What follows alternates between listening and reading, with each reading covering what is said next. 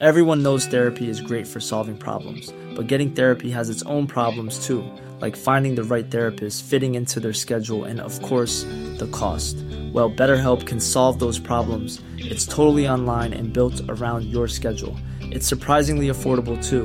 Connect with a credentialed therapist by phone, video, or online chat, all from the comfort of your home. Visit betterhelp.com to learn more and save 10% on your first month. That's BetterHelp, H E L P. I'm Sandra, and I'm just the professional your small business was looking for. But you didn't hire me because you didn't use LinkedIn jobs. LinkedIn has professionals you can't find anywhere else, including those who aren't actively looking for a new job but might be open to the perfect role, like me. In a given month, over 70% of LinkedIn users don't visit other leading job sites. So if you're not looking on LinkedIn, you'll miss out on great candidates like Sandra. Start hiring professionals like a professional. Post your free job on linkedin.com/people today. Hey Dave, Yeah, Randy. since we founded Bombus, we've always said our socks, underwear, and t-shirts are super soft. Any new ideas? Maybe sublimely soft. Or disgustingly cozy? Wait, what? I got it. Bombus. Absurdly comfortable essentials for yourself And for those facing homelessness. because one purchased equals one donated. Wow, did we just write an ad? Yes. Bombas. Big comfort for everyone. Go to bombas.com slash ACAST and use code ACAST for 20% off your first purchase.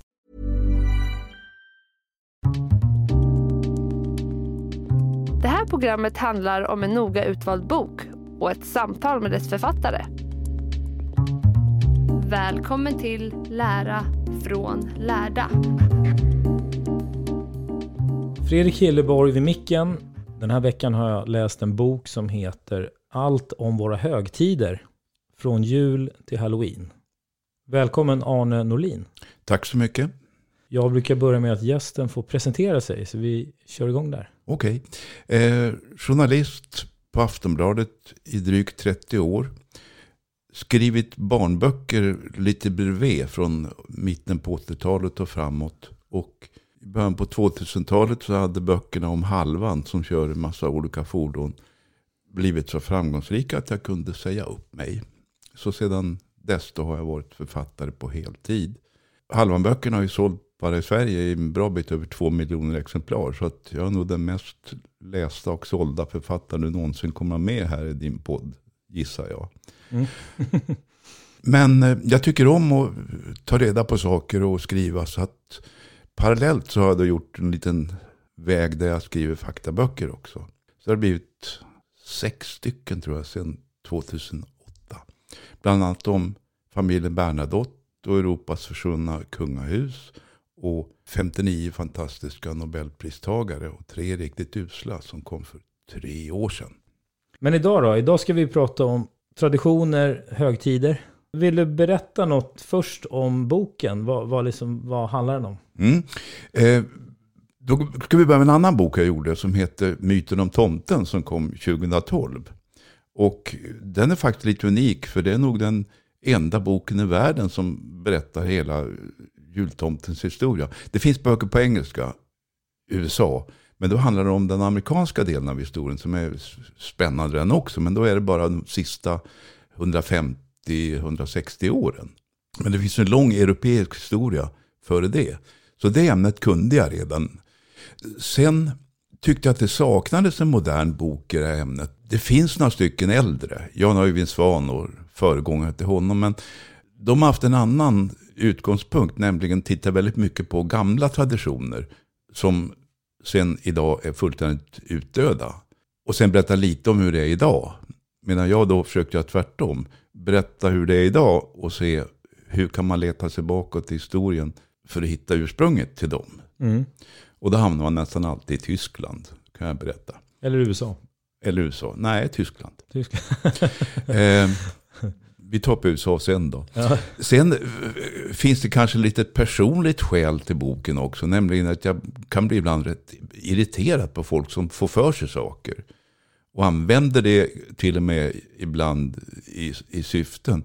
Jag menar, det finns folk längst ut på högerkanten som vill spåra alla våra traditioner till vikingatiden. Och det är ju inte sant. Midsommarstången är ingen hednisk fallossymbol. Den kommer från Tyskland. Mm. Och så finns det till och med ett parti då som är med i det nuvarande regeringssamarbetet som gärna berättar hur mycket bättre allting var förr. Och då kan man ju bara tänka på en liten småsak att när partiledarna och andra i det partiet tar på sig folkdräkt till riksdagens högtidliga öppnande så tar de på sig en överklassymbol från förr.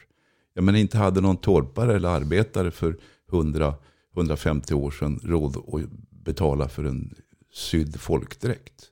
Det var bara de människor med gott om pengar som kunde göra det.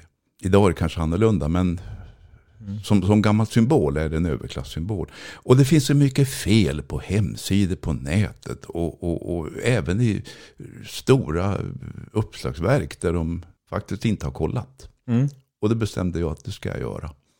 Och jag tänkte vi ska hinna, vi kommer såklart inte hinna djupdyka i alla de här, men vi ska hinna prata eh, lite kring många. Och framförallt tänkte jag, jag tycker det är intressant med missförstånd som du är inne på. Det, det är kul att upp, Vi ska inte redogöra för grunderna för, för dem, för det kan de flesta. Vara, men lite missförstånd och lite spännande eh, fakta och sådär.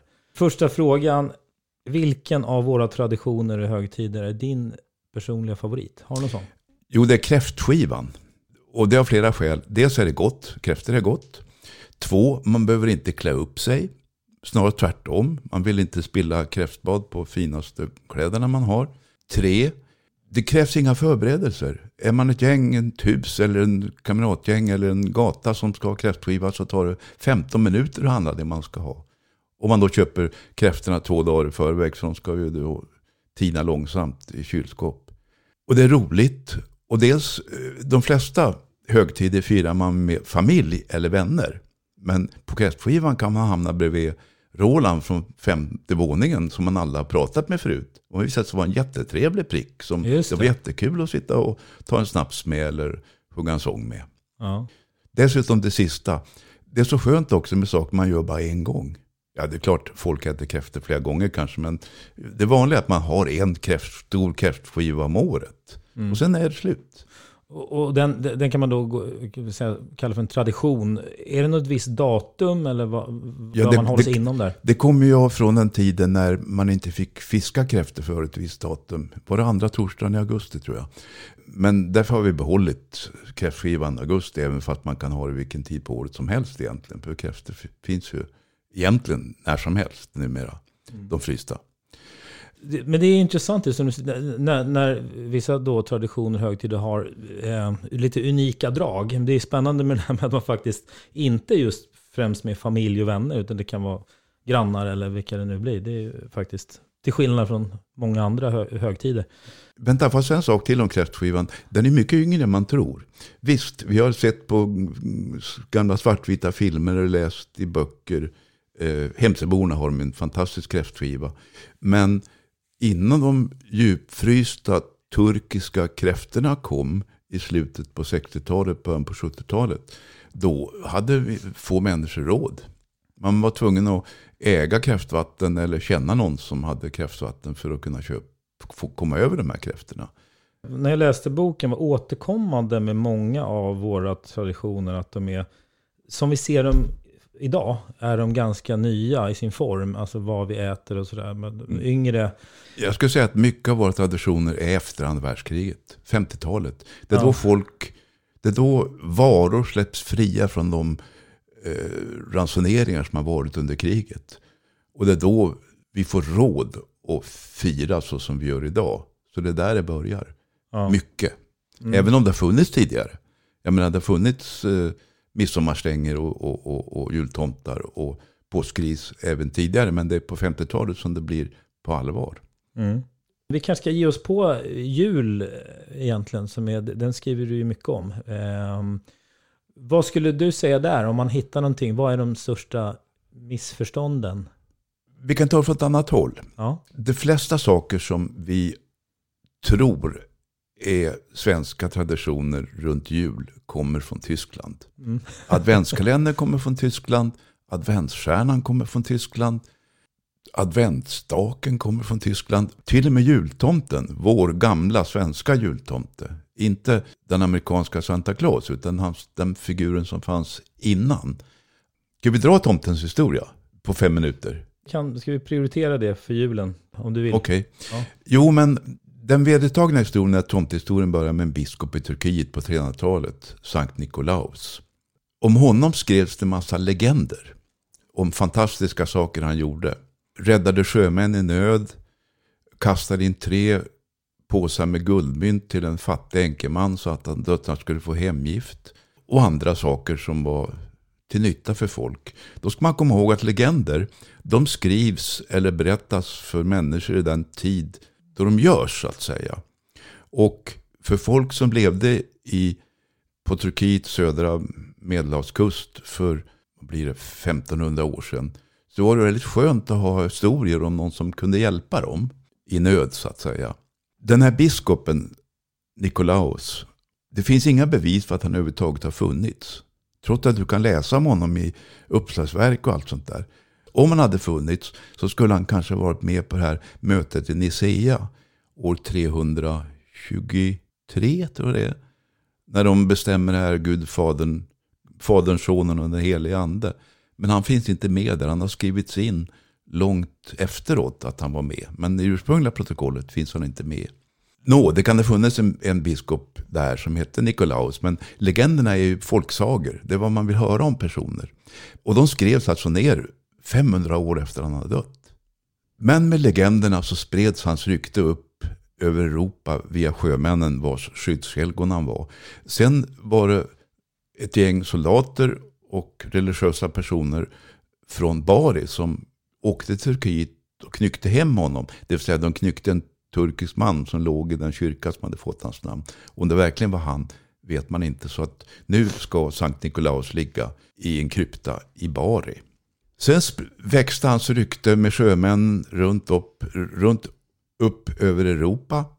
De var ju borta större delen av hösten. Men kom hem när vinterstormarna blev för jobbiga i början på december. Och eh, Sankt Nikolaus dag är just den 6 december, dagen han påstods ha dött.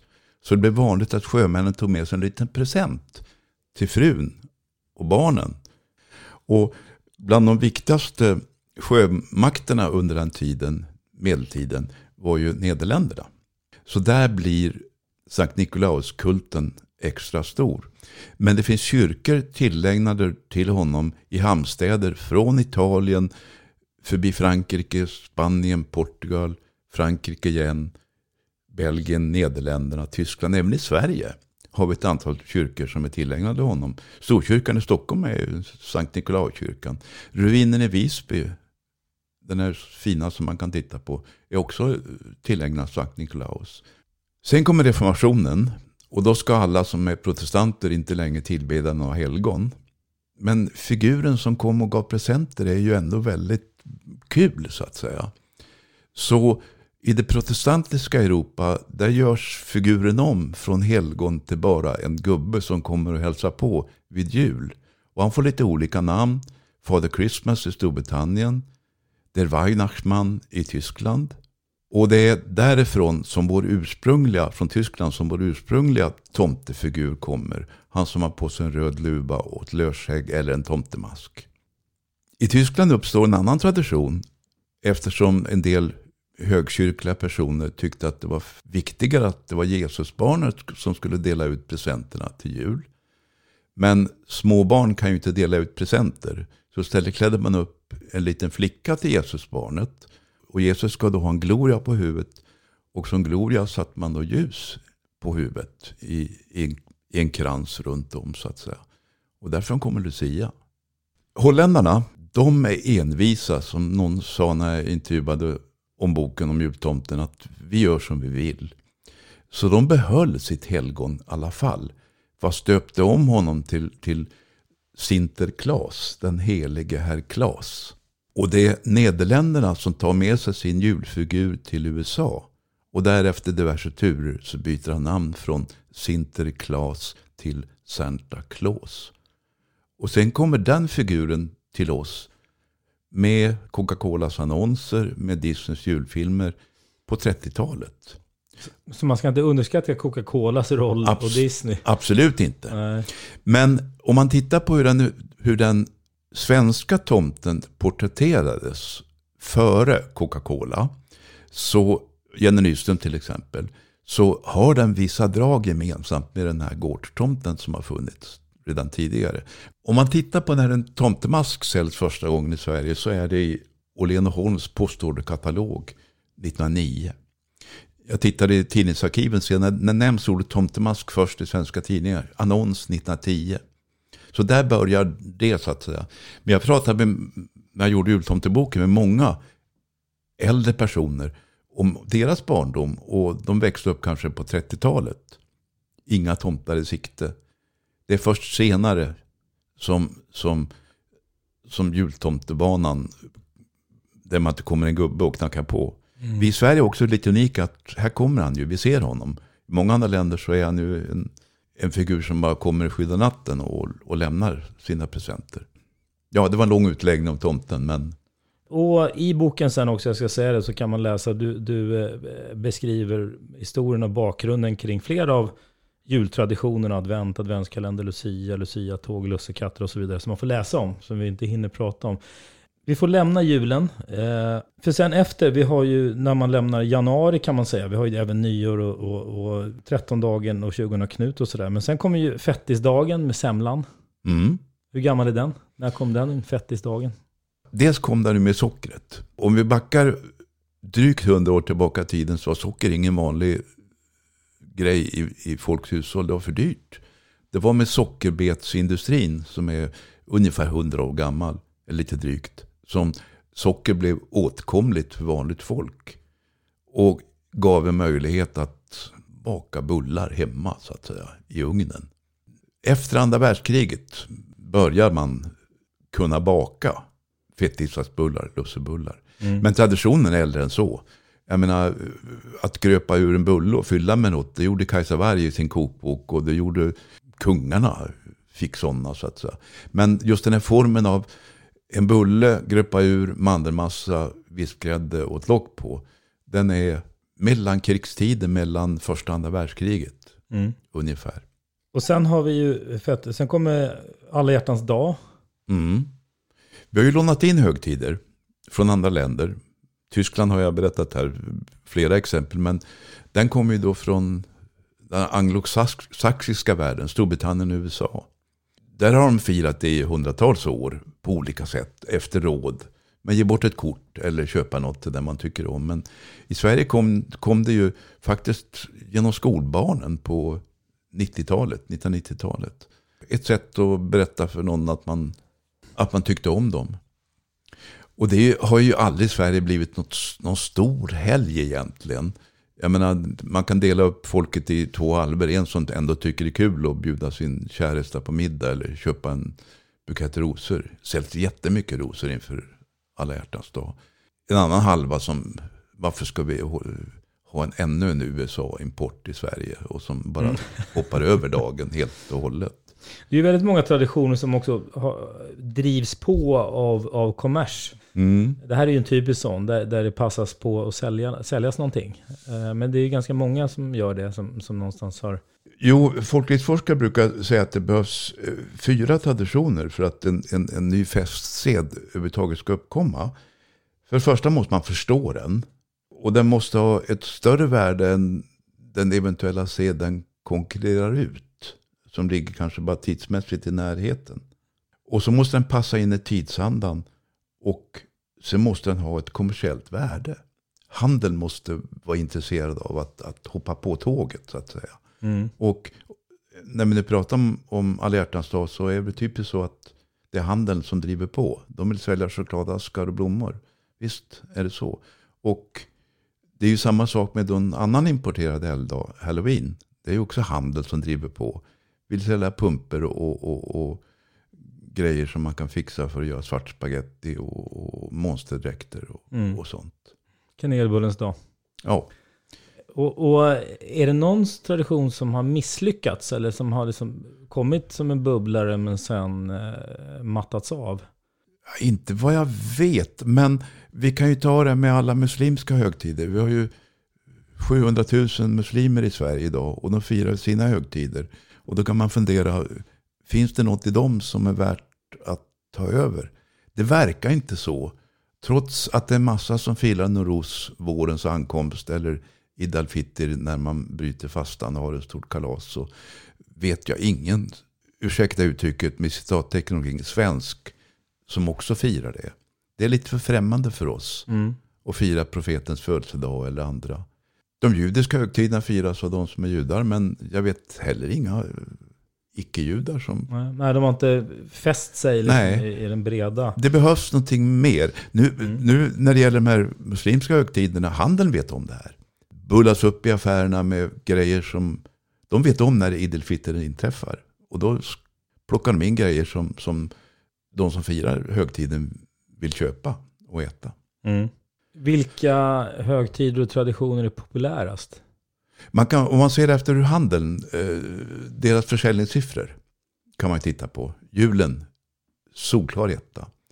Midsommar, och lika solklar tvåa. Om du väger in eh, det som man går på Systembolaget och köper, vilket man kanske också ska göra. Påsken är i topp. Sen kommer lite överraskande när det gäller handeln och högtider, det här som heter Black Friday. Har blivit jättestort även här i Sverige.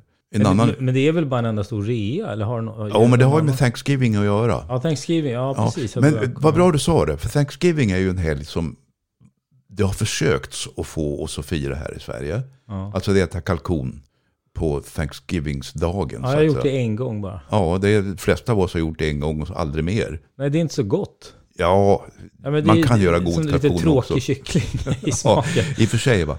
Men jag tror att det finns en motstånd mot att fira en okänd helgdag. Och själva den traditionen att det var pilgrimerna i Nordamerika som firade sin första skörd och det här. Det, det är lite för främmande för oss för att vi ska göra det här. Så där har du ett exempel på en som det. som ligger har- nära men inte blir. Det säljs kalkoner i Sverige till Thanksgiving. Men då är det huvudsakligen till sådana som har bott i USA eller studerat i USA eller amerikaner i Sverige. Men det säljs mer kalkoner till jul än det görs till Thanksgiving-helgen. Ah, okej. Berättade Ingelstad kalkon för mig när jag Ja. frågade. Millions of people have lost weight with personalized plans from Noom, like Evan, who can't stand salads and still lost 50 pounds. Salads, generally, for most people, are the easy button, right? For me, that wasn't an option. I never really was a salad guy. That's just not who I am. But Noom worked for me. Get your personalized plan today at Noom.com. Real Noom user compensated to provide their story. In four weeks, the typical Noom user can expect to lose one to two pounds per week. Individual results may vary. Here's a cool fact a crocodile can't stick out its tongue. Another cool fact you can get short term health insurance for a month or just under a year in some states. United Healthcare short term insurance plans are designed for people who are between jobs, coming off their parents' plan, or turning a side hustle into a full time gig. Underwritten by Golden Rule Insurance Company, they offer flexible, budget friendly coverage with access to a nationwide network of doctors and hospitals. Get more cool facts about United Healthcare short term plans at uh1.com. Millions of people have lost weight with personalized plans from Noom, like Evan, who can't stand salads and still lost 50 pounds. Salads, generally, for most people, are the easy button, right? For me, that wasn't an option. I never really was a salad guy. That's just not who I am. But Noom worked for me. Get your personalized plan today at Noom.com. Real Noom user compensated to provide their story. In four weeks, the typical Noom user can expect to lose one to two pounds per week. Individual results may vary. Ja, men vi flyttar oss till påsken, eh, min favorit. Eh, och där har vi ju allt ifrån, ja men dels att vi, långfredag, påskris, eh, harar. Vi kanske kan prata om det här med den här konstiga kombinationen av att det är harar som jagar ägg. Som Mm. Johan Glans skämtar om, och så, ett YouTube-klipp som blir populärt varje år. Att det, att det är lite konstigt egentligen att Det låter som en kopia på mig själv, men hararna kommer också från Tyskland. Där har man sedan länge haft en tradition av att det finns en påskhare som går och, och, och, och, värper ägg eller presenter. Och sen så ska barnen då leta efter dem. Och skälet till att det har kommit till oss i Sverige är att vi under årens lopp har importerat kort, påskkort och sånt där. Men om går man i en affär idag så hittar du ju klädda chokladharar att köpa. Men det är ju ingen svensk tradition. Den, den kommer också från Centraleuropa. Påsken håller ju på att byta skepnad lite grann. Jag är tillräckligt gammal för att minnas det här att man inte fick ha kul på långfredagen. Just det, det skriver de ja. Och det kuligaste som tv kunde visa var någon religiös långfilm från, från förr så att säga. Man ska ha tråkigt. Det var ett, en, en lag. Man skulle, ha, man skulle tänka på Jesus på korset den dagen. Och, och det var fram till? 69. Ja, otroligt ju. Mm. Eh, det är en markant skillnad vad tv visar 69 när lagen försvinner och 1970. Ja. 1970, första året innan det här nöjesförbudet tas bort, då är det underhållningsprogram och direktsänd ishockey och massa kuligheter på tv. Men då var det som nu, till imorgon har vi tråkigt. Och så Ja. var det upp, upp, upp, inte för kul. Skulle man gå på bio så kunde man till nöds ha en snäll barnfilm. Och Max von Sydow som Jesus gick alltid, mannen från Nasaret gick alltid också på långfredagen. Och så var det väl någon liten konsert och sånt där som med religiöst tema så kunde spelas på någon hall eller i en kyrka. Men Ja. det var allt. Och något annat som jag tror att du tog upp vad gäller påsken, alltså påskgodiset. Eh, är det där du också skrev på 80-talet, det här med att när det började säljas lösgodis? Yes. Eh, och, och jag får mig att du skrev också att då började man eh, diskutera, aha, vänta, ska, man få till, ska det vara tillåtet att köpa, sälja lösvis godis? Eh, det var Livsmedelsverket som eh, kikade lite på det, men sen blev det fritt fram och så blev det försäljningssuccé. Ja, jo, men det var ju så att, att Livsmedelsverket hade åsikter om det här man skulle gå med händerna och ta godis själv. Jag är också, Aha, tillräckligt, okej. Det jag också tillräckligt gammal för att minnas när man gick till kiosken och skulle ha en sån och en sån och en Ja. sån. Och så. Ja, det plockade tanten i en påse åt den, eller farbrorn. Ja. Eh, men på 80-talet så, så efter viss vånda släppte Livsmedelsverket lösgodisförsäljningen fri med skopa och påse. De släppte en lös kan man säga. Mm, Precis. Och sen på den vägen är det. Det säljs aldrig mer godis i Sverige någon gång på året än på skärtorsdagen. Och- Ganska mycket dagarna före också, men just skärtorsdagen är den stora påskgodisköpardagen. Just det. Vi trycker i oss, jag tror sista siffran var 12, 12 kilo per person och år i Ja. Sverige. Vi är världsmästare på lösgodis. Det är gott. Ja, det är jättegott. Andra länder i södra Europa, där äter man choklad istället. Eh, Lösgodis finns kanske, men inte vanligt. Där är man nere på siffror på 2-3 kilo per person. Ja. De har inte så gott godis å andra sidan i andra länder, så det kanske är... Men får jag ta en sak till om påsken, en, Ja. som, som, som jag kunde följa. När jag var liten så klädde man ut sig till påskkärring. Mina barn som är i, i, i 40-årsåldern, början där, gjorde också det när de var små. Idag påskkärringarna nästan helt borta. Mm. Förklaring? Jo, idag skickar man inte ut barn ensamma ut i världen. Dessutom kommer man inte in för det är portkoder överallt. Det finns villaområden där man fortfarande håller traditionen vid liv. Men där gör man så att folk pratar ihop sig så får man en karta och dit, dit kan man gå. Där, dit är okej. Och samma sak med halloween. Mm. Jag tror inte heller att svenska barn går ut och knackar på okända dörrar inför halloween. Och även där finns det villaområden där man liksom gör en slags guide. Hit kan du gå, dit kan du gå, dit kan Jag du har gå. sett också, annars är föräldrarna går med. Absolut. Alternativ, I vår bostadsförening så brukar de skriva ut till alla. Våra barn kommer att plinga på. Alltså det är mycket mer. Nej, det håller med. Det har verkligen försvunnit. Eh, och det gäller både, precis, halloween också. Och sen så kommer ju efter påsk så kommer ju bland annat våffeldagen, första april, valborg första maj, majblomman, Kristi himmelfärd. Av de här, är det något, någon rolig eh, ingrediens som du vill nämna som kanske förvånade dig, som du inte visste innan du skrev boken? För, vi kan prata om, om eh, första april. Lite Mm. Mm. Jo, men första april är ju kul eftersom det är en tradition som ju egentligen inte har något som helst kommersiellt värde. Just det. Mm. Man kan inte köpa någonting till första april. Jo, man kan gå och köpa eh, ett godis som gör den som äter det svart i munnen. Typ, va? Men det är, det är också allt. Och det finns ju en massa kul historier om bra aprilskämt. Det finns ett museum i USA som heter Museum of Hoaxes. Eh, hoax betyder bluff eller skämt eller sånt där. Och de har gjort då en lista på världens bästa aprilskämt. Etta är då ett som BBC i Storbritannien körde 57. Att skörden av, på spagettiträden hotades. För att eh, av dåligt väder och, och, och, och sånt där. Så att det skulle inte bli svårt att få tag på spaghetti. Då ringde folk, eller skrev, eller gjorde de egentligen, till BBC och frågade hur ska vi göra nu då, vi som älskar spagetti? Det är mycket lätt, sa de. Ta bara en, en bit makaroner och stoppa ner den i en burk tomatsås så kommer den växa av sig själv. Men tvåa på listan är Henrik Stensons aprilskämt på tv 1963 när man klistrade en nylonstrumpa framför, framför tvn och påstod att den skulle ge, genom ljusbrytningar ge färg-tv. Ja, det är en klassiker. En klassiker. Men det bästa aprilskämtet tycker jag är det som var i Västerbottens-Kuriren 2010. De hade övertalat en lokal kändis som heter Andreas Utterhall som var fotbollsspelare i Umeå FC. Att låtsas att han hade blivit pappa till fyra barn under en och samma helg. Och på familjesidan då med, med bilder på de nyfödda. BB-nytt heter den i Västerbottens-Kuriren. Där poserar han då med, med, med, fyra barn. På fyra olika bilder kan man på säga. Fyra olika mm. bilder. Vidar, Tor, Olle och Sigge. Och själva förklaringen var att barnet var ett nyfött till en av tidningens fotografer. Och mammorna spelas då av fyra anställda på, på, på tidningen så att säga. Eh, och han hade med sig ombyte för alla fyra bilderna. Men det var lite jobbigt att byta kläder på barnet tre gånger. Så att tittar man noga på bilderna kan man se att ungen har samma kläder på alla fyra bilderna. Och sen var det en liten intervju med honom i samband med de här bilderna då. För de var ju nyfikna på vad han sa att det var en galen helg.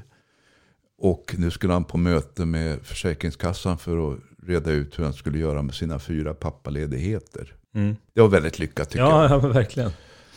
Vi hoppar över uh, Kristi himmelfärd och pingst. För jag tycker nationaldagen sen är intressant. För den tycker jag har fått en uppsving. Det kanske är för att den har blivit röd. Det är, absolut, visst är det så. Vi är lediga. Det ja. var vi inte för. När, när jag var, fram det ger automatiskt uppsving när vi får vara lediga. Absolut. Fram till 2005, jag tror det var då den blev röd då. Då var man ju fira, tvungen att fira på kvällen om det, om det skulle firas något. Mm. Man jobbade. Om det var en vardag så att säga. Det kunde vara en lördag eller söndag också. Eh, jag minns från min egen barndom en massa tråkiga Svenska flaggans dag som det hette på den tiden.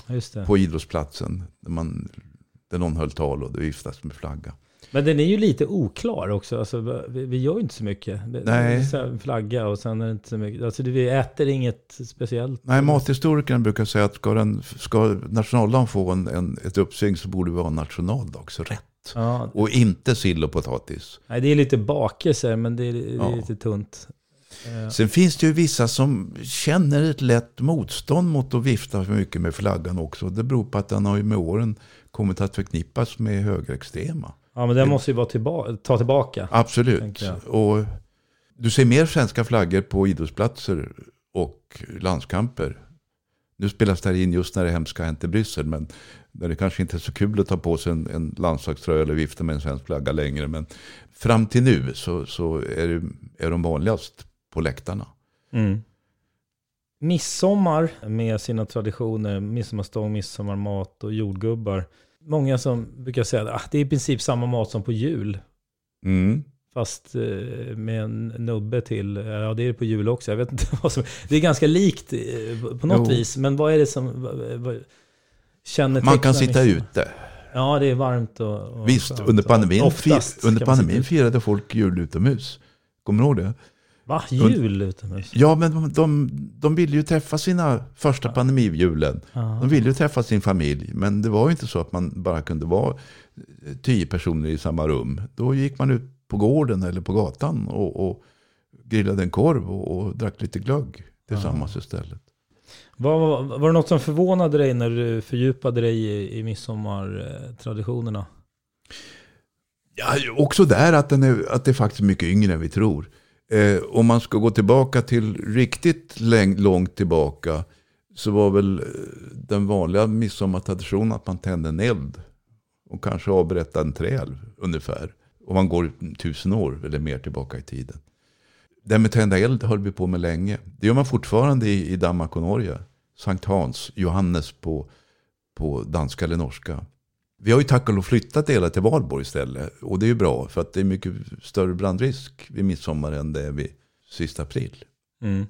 En annan spaning är ju det att det här med att midsommarstångens standardisering, det här med, med korset och, och de två kransarna, den är också ganska sen. Det kom med hembygdsrörelsen började dokumentera hur midsommarstänger såg ut eh, runt om i Sverige. Och så blev det så att att så här ska den vara. Men före det, vi säger 1800-talet och, och tidigare, då kunde midsommarstång se ut nästan lite hur som helst. Bara den var klädd med något grönt så att säga. Ja. Kanske hade någon krans. Men det finns bilder på gamla midsommarstänger i Sverige som kanske bara var en pinne rakt upp och ner. Ja. Klädde grönt. Midsommarstången eh, kommer från en centraleuropeisk tradition att man, när det började bli grönt, så klädde man en stång med, med grönt. Och det inträffar ju då i de länderna tidigare än 23-24 juni. Så, och, det- och, och där man uttrycker man sig maja, det kommer från, något- från ett tyskt ord som är majen, att klä något med grönt. Och det gjorde man då kanske i april, Mm. början på maj. Eh, det var intressant för att när vi här om året gjorde oss besväret att titta igenom hela morden i Midsummer från början, så att säga. De här avsnitten som man inte minns och, och, och men som ändå är ganska kul. De var bättre förr än de är idag, tyckte, tyckte vi också.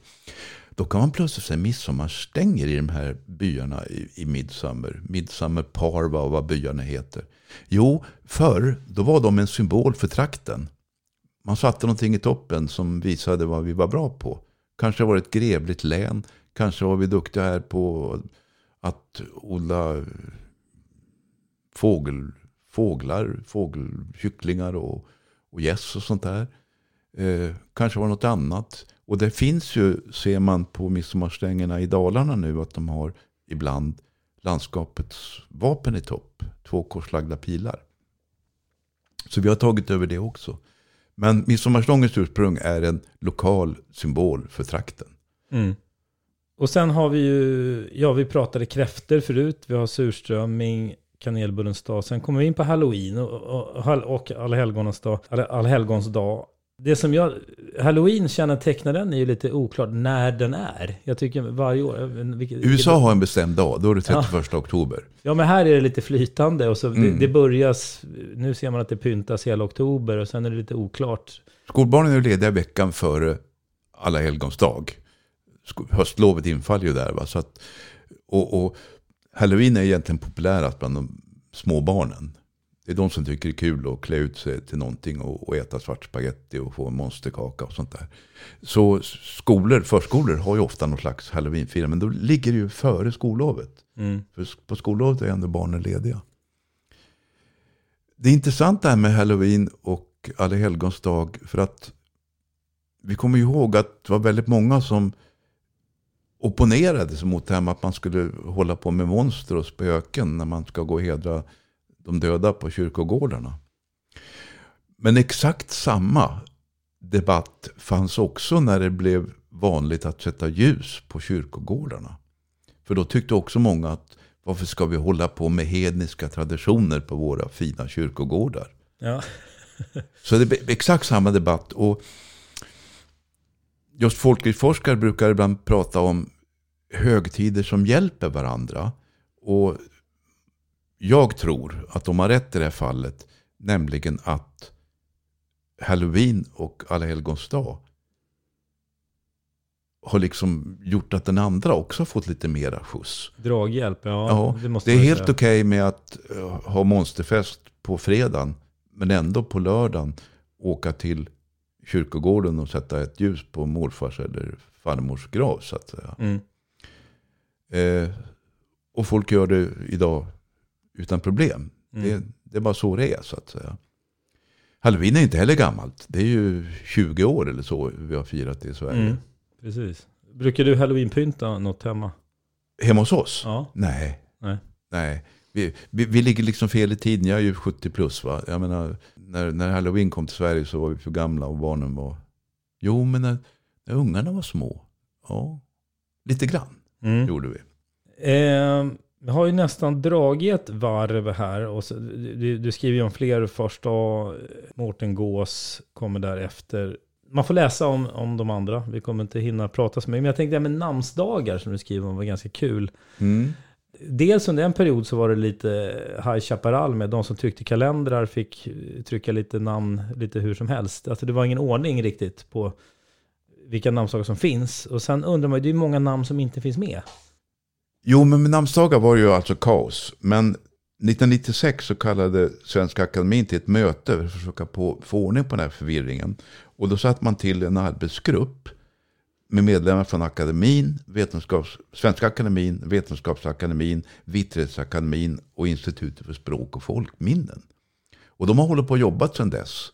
Och de gjorde först då en, en, ett förslag 1999. Och sen reviderade de den regelbundet. Och det senaste, 2022, så kom det ett halvdussin nya namn. Henry och Maja och Regina och Nova och Olle och Tim och Cornelia. Mm. Och det kommer ju nya revideringar beroende på vilka namn som är populärast. Ja, just det. Det måste ju vara mängd antal som heter ja. det helt enkelt.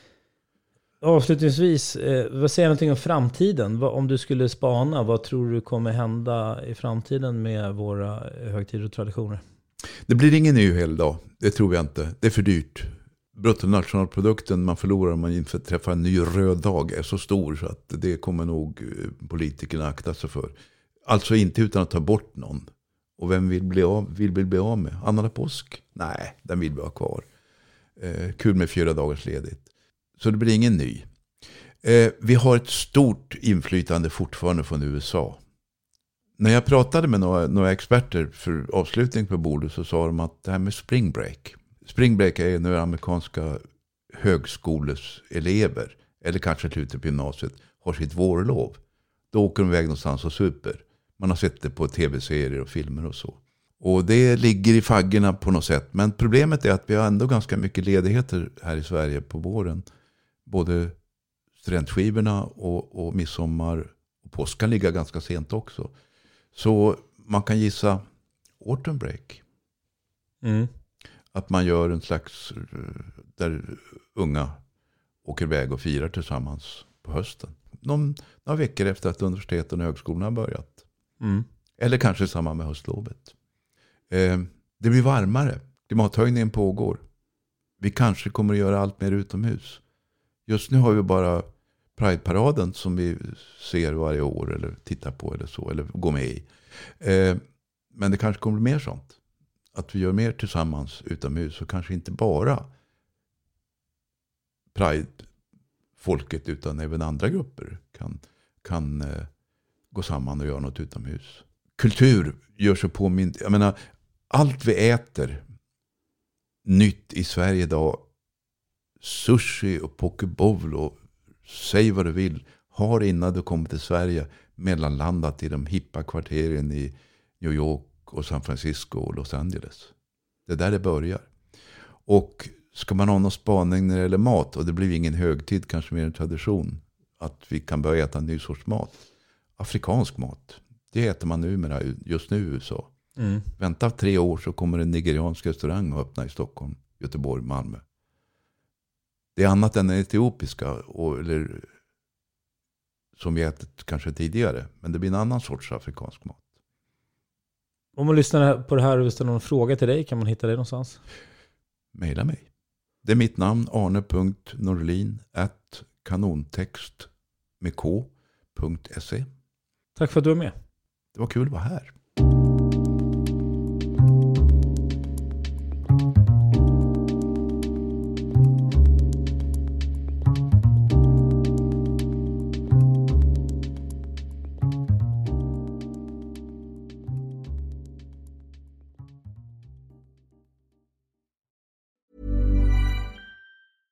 Hey, it's Paige DeSorbo from Giggly Squad. High quality fashion without the price tag. Say hello to Quince. I'm snagging high-end essentials like cozy cashmere sweaters, sleek leather jackets, fine jewelry, and so much more. With Quince being 50 to 80% less than similar brands. And they partner with factories that prioritize safe, ethical, and responsible manufacturing. I love that. Luxury quality within reach. Go to quince.com slash style to get free shipping and 365 day returns on your next order. Quince.com slash style. Imagine the softest sheets you've ever felt. Now imagine them getting even softer over time That's what you'll feel with Bowl and Branch's organic cotton sheets. In a recent customer survey, 96% replied that Bowl and Branch sheets get softer with every wash. Start getting your best night's sleep in these sheets that get softer and softer for years to come. Try their sheets with a 30-night guarantee. Plus, get 15% off your first order at bowlandbranch.com. Code BUTTERY. Exclusions apply. See site for details.